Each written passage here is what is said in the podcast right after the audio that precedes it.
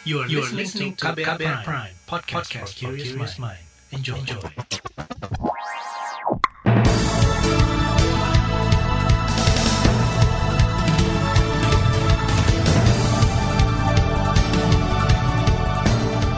Selamat pagi saudara, senang sekali kami bisa menjumpai Anda dalam program Buletin Pagi edisi Senin 15 Maret 2021 bersama saya Roni Sitanggang.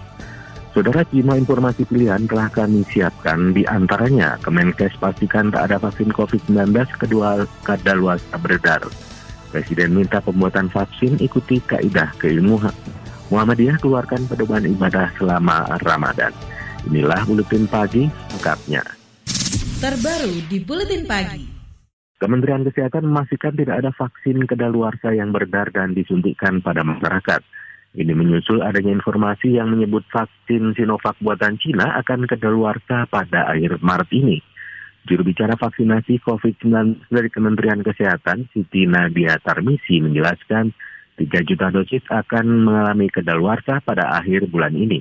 Namun vaksin yang pertama juga itu sudah habis digunakan yang akan kadaluarsa merupakan vaksin CoronaVac batch pertama, yaitu sejumlah 1,2 juta dosis dan 1,8 juta dosis. Vaksin ini telah kita gunakan untuk diberikan kepada 1,45 juta tenaga kesehatan dan 50 ribu pemberi pelayanan publik. Saat ini vaksin ini sudah habis kita gunakan. Juru bicara Kemenkes Nadia menjelaskan vaksin yang kedaluarsa adalah vaksin yang berbentuk vial yang berisikan satu dosis vaksin untuk satu kali penyuntikan. Sementara vaksin yang saat ini digunakan untuk lansia di atas 60 tahun dan petugas pelayanan publik adalah vaksin dengan kemasan besar atau vial yang berisi 10 dosis vaksin. Sementara itu PT Bio Farma menyatakan tidak vaksin kadaluarsa beredar dalam program vaksinasi COVID di Indonesia. Hanya saja vaksin tersebut merupakan dosis yang umur simpannya akan habis berdasarkan penetapan BPOM pasca dikeluarkan izin penggunaan darurat. Juru bicara Bio Farma Bambang Herianto kepada KBR menyebut vaksin tersebut merupakan dosis yang didatangkan Desember lalu. Vaksin tersebut telah didistribusikan sejak Januari 2021 lalu dan telah diberikan termasuk kepada Presiden, dan 1,45 juta tenaga kesehatan serta 50 ribu petugas pelayan publik. Jadi, vaksin tersebut saat ini telah habis digunakan. Juru bicara Bio Farma Bambang Herianto menyatakan vaksinator telah dilatih dengan baik sehingga ia menjamin tidak akan ada vaksin kedaluarsa yang digunakan untuk program vaksinasi virus corona itu. Sementara itu, Koordinator Komunikasi Publik Komite Penanganan COVID-19 dan Pemulihan Ekonomi Nasional, Ayas Nulingga, mengatakan tidak perlu khawatir karena vaksin kedaluarsa sudah tidak ada. Kenapa kita nggak perlu khawatir? Karena memang yang habis ini adalah yang expired itu batch 1, batch 2 yang memang sudah habis. Sekarang adalah yang bulk yang dikerjakan di uh, oleh kawan-kawan Bio Farma yang masuk main 7 juta. Yang lagi dikerjakan semua juga dan belum belum belum juga itu juga belum itu itu bahwa ini adalah uh, dia dihitung mulai ketika dimasukkan dalam botol itu gitu ya. Itu harus dihitung dia expired 6 bulan. Koordinator Komunikasi Publik Komite Penanganan COVID-19 Arya Sinulinga mengatakan saat ini vaksin yang masih ada di Bio Farma berupa bahan baku yang tengah diproses dan dikemas. Menurut Ketua Departemen Epidemiologi Universitas Indonesia Triunis Miko, tingkat efikasi vaksin akan menurun jika sudah kedaluarsa. Ia menyaksikan ada vaksin COVID-19 yang kedaluarsa di Indonesia sebab masa berlaku vaksin biasanya mencapai satu tahun biasanya vaksin masa kadaluarsanya satu tahun. Kalau enam bulan sebenarnya masa kadaluarsanya itu dimajukan gitu. Biasanya tiga bulan sebelumnya. Jadi sebenarnya kalau kadaluarsa itu aman lah. Hmm. Kalaupun disuntikan. Hmm. Karena itu sudah dimajukan di awal. Cuman bahayanya adalah berarti antibodi yang uh, diharapkan dari vaksin tersebut tidak setinggi kalau vaksin itu belum kadaluarsa begitu. Itu tadi Ketua Departemen Epidemiologi Universitas Indonesia Tri Yunis Miko. Sebelumnya Kementerian Kesehatan sedang putar otak untuk mempercepat vaksinasi COVID-19 di Indonesia. Dalam kemasan Sinovac tercatat vaksin COVID ini akan kedaluarsa sampai 2023. namun dipercepat menjadi 25 Maret 2021 atau hanya berlaku selama 6 bulan. Saudara penghapusan limbah batu bara meningkatkan risiko kematian COVID-19. Informasinya akan hadir usai jeda, tetaplah di Buletin Pagi KBR. You're listening to KBR Pride, podcast for curious mind. Enjoy!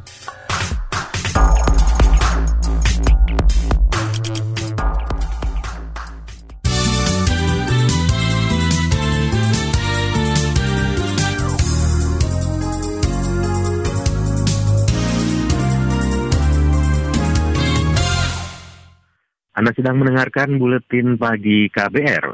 Saudara Presiden Joko Widodo meminta proses pembuatan vaksin dalam negeri dilakukan secara terbuka dan mengikuti kaidah keilmuan. Saat ini ada dua vaksin yang tengah dikembangkan, yakni Merah Putih dan Nusantara. Kata Jokowi, untuk menghasilkan vaksin yang aman dan bermutu, harus dilakukan dengan prosedur yang benar dan melibatkan banyak ahli. Persyaratan dan tahapan ini penting dilakukan untuk membuktikan bahwa proses pembuatan vaksin sangat mengedepankan unsur kehati-hatian dan dapat dipertanggungjawabkan secara ilmiah, sehingga vaksin yang dihasilkan aman dan efektif penggunaannya. Presiden Jokowi mengatakan pemerintah selalu mendukung inovasi vaksin yang dihasilkan di masa pandemi. Sebelumnya Badan Pengawasan Obat dan Makanan menyebut proses uji klinis pertama vaksin Nusantara tidak memenuhi kaidah penelitian dan pengembangan obat. Sementara untuk vaksin merah putih saat ini masih dalam tahap penelitian dan diharapkan masuk uji klinis pada Juni mendatang. Masih soal vaksin. Menteri Kesehatan Budi Gunadi Sadikin menegaskan vaksinasi bukan faktor utama strategi penanganan pandemi. Budi mengatakan terdapat empat faktor strategi penanganan pandemi. Vaksinasi, kata Budi, merupakan salah satu dari keempat strategi tersebut. Nah, WHO sudah mengkasih empat framework mengatasi laju penularan ini, mengatasi pandemi ini. Vaksin adalah salah satunya. Menkes Budi Gunadi Sadikin menambahkan selain vaksinasi, di antaranya perubahan perilaku, strategi surveillance dengan pelayanan tes, pelacakan, dan isolasi 3T, dan terapeutik untuk memastikan pelayanan perawatan seperti obat-obatan, dokter, serta fasilitas rumah sakit. Saudara hingga minggu kemarin kasus positif COVID-19 bertambah 4.600-an kasus baru. Total kasus positif di tanah air lebih 1,4 juta dengan total kesembuhan 1,2 juta dan kematian mencapai 38 ribu orang. Saudara Kepala Lembaga Biologi dan Molekuler, Eichmann, Profesor Amin Subandrio menegaskan belum ada pembuktian bahwa enam kasus varian baru B117 di Indonesia saling berhubungan. Dia menjelaskan karakteristik penularannya lebih cepat sebesar 40 hingga 70 persen, sehingga bisa menyebabkan peningkatan angka produksi virus. Karena perubahan itu dia mungkin juga menyebabkan uh, antibodi yang terbentuk setelah vaksinasi itu tidak tidak lagi mengenali si virus karena uh, bajinya sudah berubah ya. Uh, ada perubahan struktur sehingga antibodi tidak mengenali. Jadi dikhawatirkan lagi bahwa uh, virus ini nanti tidak bisa di dinetralisasi oleh si antibodi setelah vaksinasi. Kepala Lembaga Biologi dan Molekuler Eichmann Profesor Amin Subandrio menambahkan ada kekhawatiran PCR juga terganggu sensitivitasnya terhadap varian baru. Namun, kata dia, penurunan sensitivitas itu belum signifikan, sehingga belum diperlukan tes pengganti PCR. Wahana Lingkungan Hidup Indonesia WALHI menyebut pemerintah akan meningkatkan risiko kematian di tengah pandemi COVID dengan menghapus limbah batu bara dari kategori B3 atau bahan berbahaya dan beracun. Kata Direktur Walhi Nur Hidayati, pembuangan limbah B3 dengan volume yang besar sering kali dilakukan secara diam-diam dan sembarangan. Akan makin mempermudah dengan adanya aturan ini. Pemerintah justru kemudian melonggarkan aturan-aturan yang akan meningkatkan resiko-resiko tersebut. Ini menurut kami tidak etis ya di tengah situasi pandemi sekarang ini belum bisa dikendalikan dan kita tahu bahwa um, dari studi yang dilakukan oleh Harvard University uh, ditemukan uh, COVID yang hidup di daerah yang uh, terpolusi tinggi itu memiliki potensi kematian lebih tinggi dibandingkan uh, penderita COVID yang uh, tinggal di wilayah-wilayah yang kurang polusi udaranya. Direktur Eksekutif Walhi Nur Hidayati mengatakan pemerintah seolah memberikan kesan bahwa limbah B3 dapat langsung dimanfaatkan jika dikategorikan sebagai limbah non-B3. Padahal limbah B3 baru dapat dimanfaatkan setelah melalui berbagai pengujian karakteristik yang spesifik berdasarkan sumber masing-masing limbah tersebut. Saudara perubahan mekanisme pemerintah membuka penerimaan peserta didik baru bagi sekolah swasta dinilai kurang tepat. Menurut pengamat pendidikan dari Fox Populi Institut Indonesia, Indra Karismiaji, ini justru membuat berantakan tata kelola pendidikan di level pendidikan dasar dan menengah. Sekolah-sekolah Katolik dikecualikan, sekolah lab school dikecualikan, sekolah-sekolah Kristen dikecualikan, sekolah taman siswa dikecualikan. Tapi kalau sekarang, tahun 2021, sekolah yang diselenggarakan oleh masyarakat tidak dikecualikan. Kan berarti sekolah ini harus 70% mengambil hanya anak-anak sekitar ya kan itu dan dibatasin maksimal yang prestasi 30% saja kan begitu. Pengamat pendidikan dari Fox Populi Institut Indonesia, Indra Karismiaji mengatakan, pembukaan penerimaan untuk sekolah swasta bukan langkah yang tepat dalam mempertahankan angka partisipasi. Sebelumnya Kementerian Pendidikan dan Kebudayaan membuka penerimaan peserta didik baru untuk seleksi masuk sekolah swasta. Padahal sebelumnya PPDB hanya ditujukan bagi sekolah negeri. Kita ke mancanegara. Perdana Menteri Singapura Lee Hsien Long mengatakan akan membuka kembali perbatasan mulai akhir tahun ini. Upaya tersebut dilakukan setelah semakin banyak negara yang memulai program vaksinasi COVID-19. Dikutip dari Reuters, Singapura memperlakukan larangan perjalanan untuk berlibur bisnis dan urusan resmi sejak terjadi pandemi setahun silam. Lee membuka kemungkinan untuk membahas rencana menerima kedatangan asing tanpa melakukan karantina dengan syarat telah mengantongi vaksin corona. Hingga 8 Maret lalu, Singapura telah memberikan dosis pertama vaksin COVID bagi 600 ribu warganya. Lee menargetkan bisa memberikan suntikan vaksin bagi seluruh warga pada akhir tahun ini. Kita beralih ke informasi olahraga. Pemain Juventus Cristiano Ronaldo menciptakan hat-trick sempurna dalam kurun waktu 32 menit sehingga membuat timnya menang 3-1 di kandang lawan di Sardegna Arena dini hari tadi. Untuk pertama kalinya Juve menurunkan Federico Chiesa, Dejan Kulusevski, Cristiano Ronaldo dan Alvaro Morata sebagai starter secara berbaringan di Liga Italia. Hanya perlu waktu 10 menit bagi Ronaldo untuk mencetak gol. CR7 kemudian mendapatkan kartu kuning karena pelanggaran yang membahayakan. Beberapa pihak menyebut Ronaldo pantas dihadiahi kartu merah. Kita ke arena balap. Sejumlah pembalap MotoGP sudah menerima vaksin COVID-19 dosis pertama di selates MotoGP Qatar di sirkuit Losail 10-12 Maret lalu. Vaksinasi ini digelar setelah pemerintah Qatar menawarkan pembalap dan ofisial untuk menjalani vaksinasi virus corona di selates di sirkuit. Sejumlah pembalap sudah menerima vaksin Pfizer dosis pertama seperti Valentino Rossi, Maverick Vinales, dan Paul Espargaro.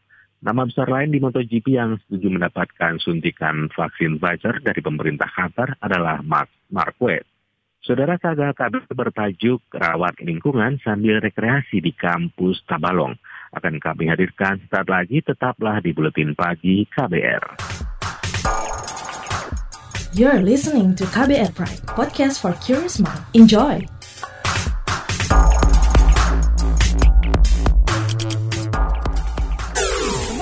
Commercial break.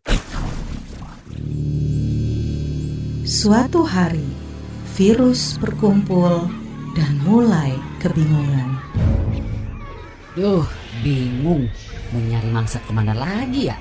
Iya nih, semua orang pada pakai masker. Aku ada ide. Kita nongkrong di rumah makan aja gimana? Ngeliatin orang-orang yang lengah nggak pakai masker.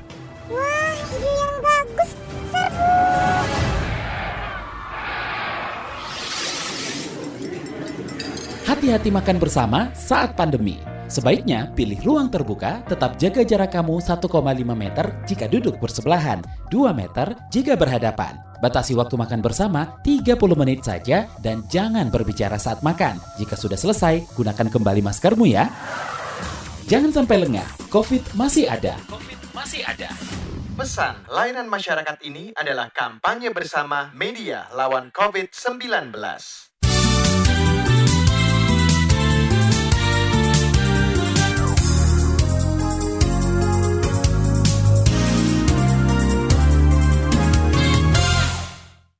Saudara, selama bertahun-tahun, permukiman sekitar Sungai Cikalong, kota Cirebon, Jawa Barat, jadi langganan banjir. Pengurukan dan normalisasi sungai selalu masuk program rutin penanggulangan bencana. Akhir tahun lalu, pemerintah setempat menginisiasi pembangunan taman di bantaran Sungai Cikalong. Ini ditujukan sebagai sarana edukasi warga untuk ikut menjaga sungai dan lingkungan. Simak kisahnya yang disusun jurnalis KBR pada Kustarini. Memang kami sengaja nggak nge-share bahwa ini akan menjadi Taman Tabalong nggak. Kami hanya berdiri saja orang pada penasaran. Akhirnya pada datang, banyak yang menanyakan fungsinya.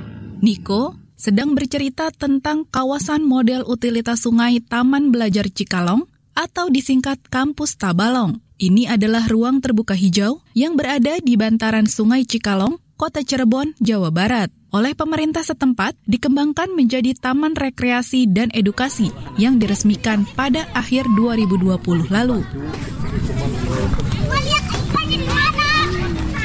Taman baru ini menarik perhatian warga karena keberadaan bangunan berbentuk prisma segitiga yang merupakan kantor kampus Tabalong. Niko adalah pengelolanya. Kalau jam buka karena nggak ada pintunya jadi kita buka terus. Tapi jam 7 jam 6 itu sudah ada masyarakat yang jogging. Nah, nanti efektif buka itu sekitar jam 8. Kami bersih-bersih dulu, jam 9 jam 10 sudah mulai jalan. Kalau cuacanya mendung biasanya dari pagi sampai siang sudah mulai rame. Tapi kalau panas itu jam 11 mereka pulang, nanti datang lagi sore.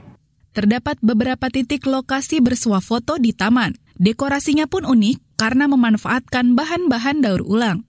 Ada beberapa tempat selfie ini yang dibuat sama Pak Kubu, barang-barang bekas yang kita temui, kita bikin bagaimana caranya benda-benda itu bisa menjadi tempat selfie yang bagus. Ada ban bekas, ada bekas kabel PLN, ada jaring, ada ranting pohon, apa pun yang ada di sini kita manfaatkan.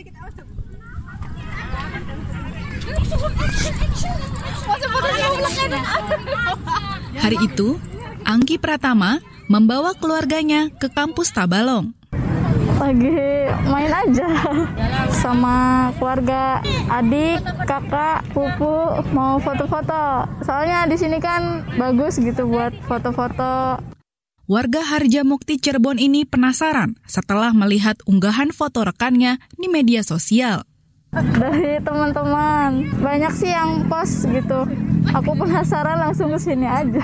Lebih dibanyakin lagi kali ya, apa buat foto-fotonya, terus buat tempat duduknya juga biar bisa duduk, biar bisa main di sini lebih lama gitu.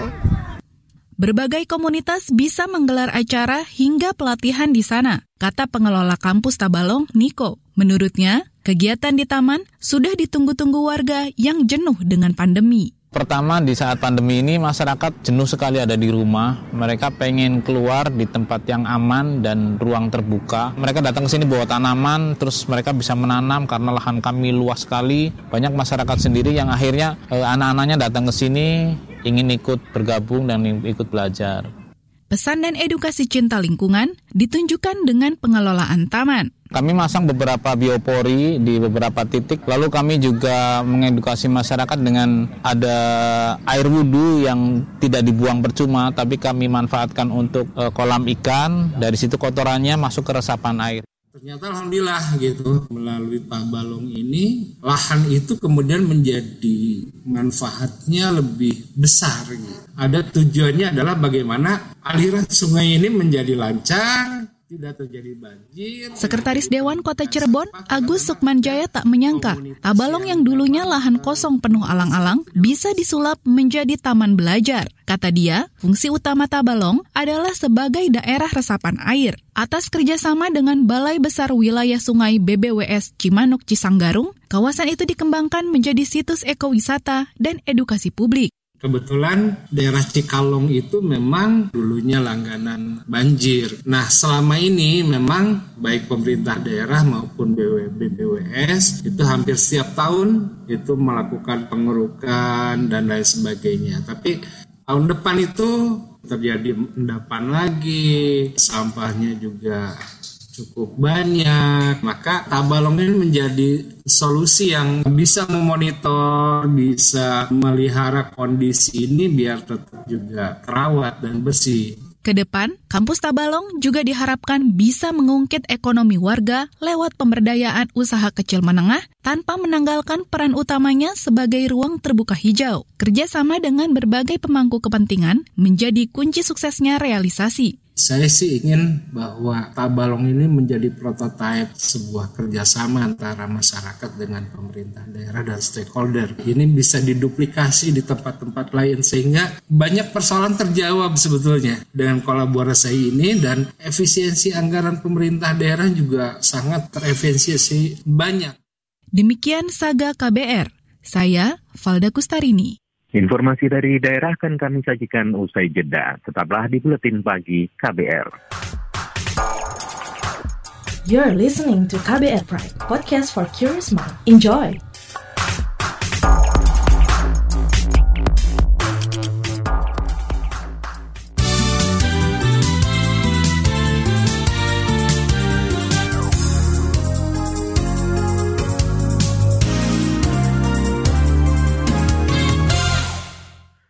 Inilah bagian akhir buletin pagi KBR. Saudara Majelis Tarjih dan Tajih Pimpinan Pusat Muhammadiyah mengeluarkan pedoman ibadah selama bulan Ramadan di tengah pandemi COVID-19 yang masih merebak di tanah air. Ketua Majelis Tarjih dan Tajih PP Muhammadiyah Samsul Anwar mengatakan, puasa Ramadan wajib dilakukan kecuali bagi yang sakit dan kondisi kekebalan tubuhnya tidak baik. Selain itu, puasa Ramadan dapat ditinggalkan oleh tenaga kesehatan yang sedang bertugas untuk menjaga kekebalan tubuh. Ia juga meminta agar umat Islam menggelar sholat tarawih di rumah masing-masing.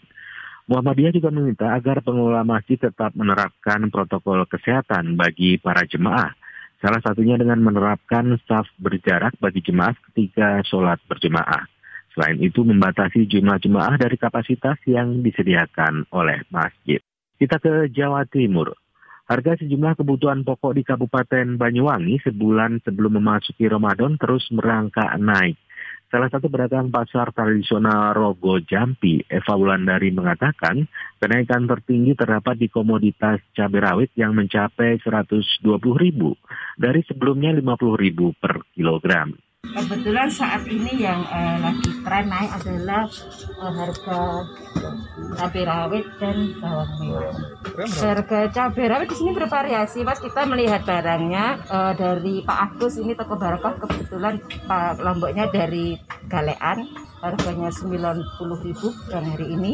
Tadi kita cek di tokonya Pak Purkoni harganya uh, 100.000. Jenisnya kalau di sana dari Lombok, dari petani lokal, pun ini dari Galean. Komoditas lain yang naik di antaranya bawang merah dari 23.000 menjadi 35.000 per kilogram. Selain itu tomat yang sebelumnya Rp6.000 naik menjadi Rp15.000 per kilogram. Koordinator Tim Monaf Bahan Pokok Dinas Koperasi Usaha Mikro dan Perdagangan Banyuwangi Salim menjelaskan naiknya harga kebutuhan pokok karena pasokan barang dari petani berkurang. Hal itu dipengaruhi karena banyak tanaman yang rusak akibat curah hujan yang tinggi di Banyuwangi. Saudara informasi tadi menutup jumpa kita di Buletin Pagi hari ini. Pantau juga informasi terbaru melalui kabar baru, situs kbr.id, di Twitter kami, akun @beritaKBR, serta podcast di alamat kbrprime.id. Akhirnya saya Roni Sitanggang bersama tim yang bertugas undur diri. Salam.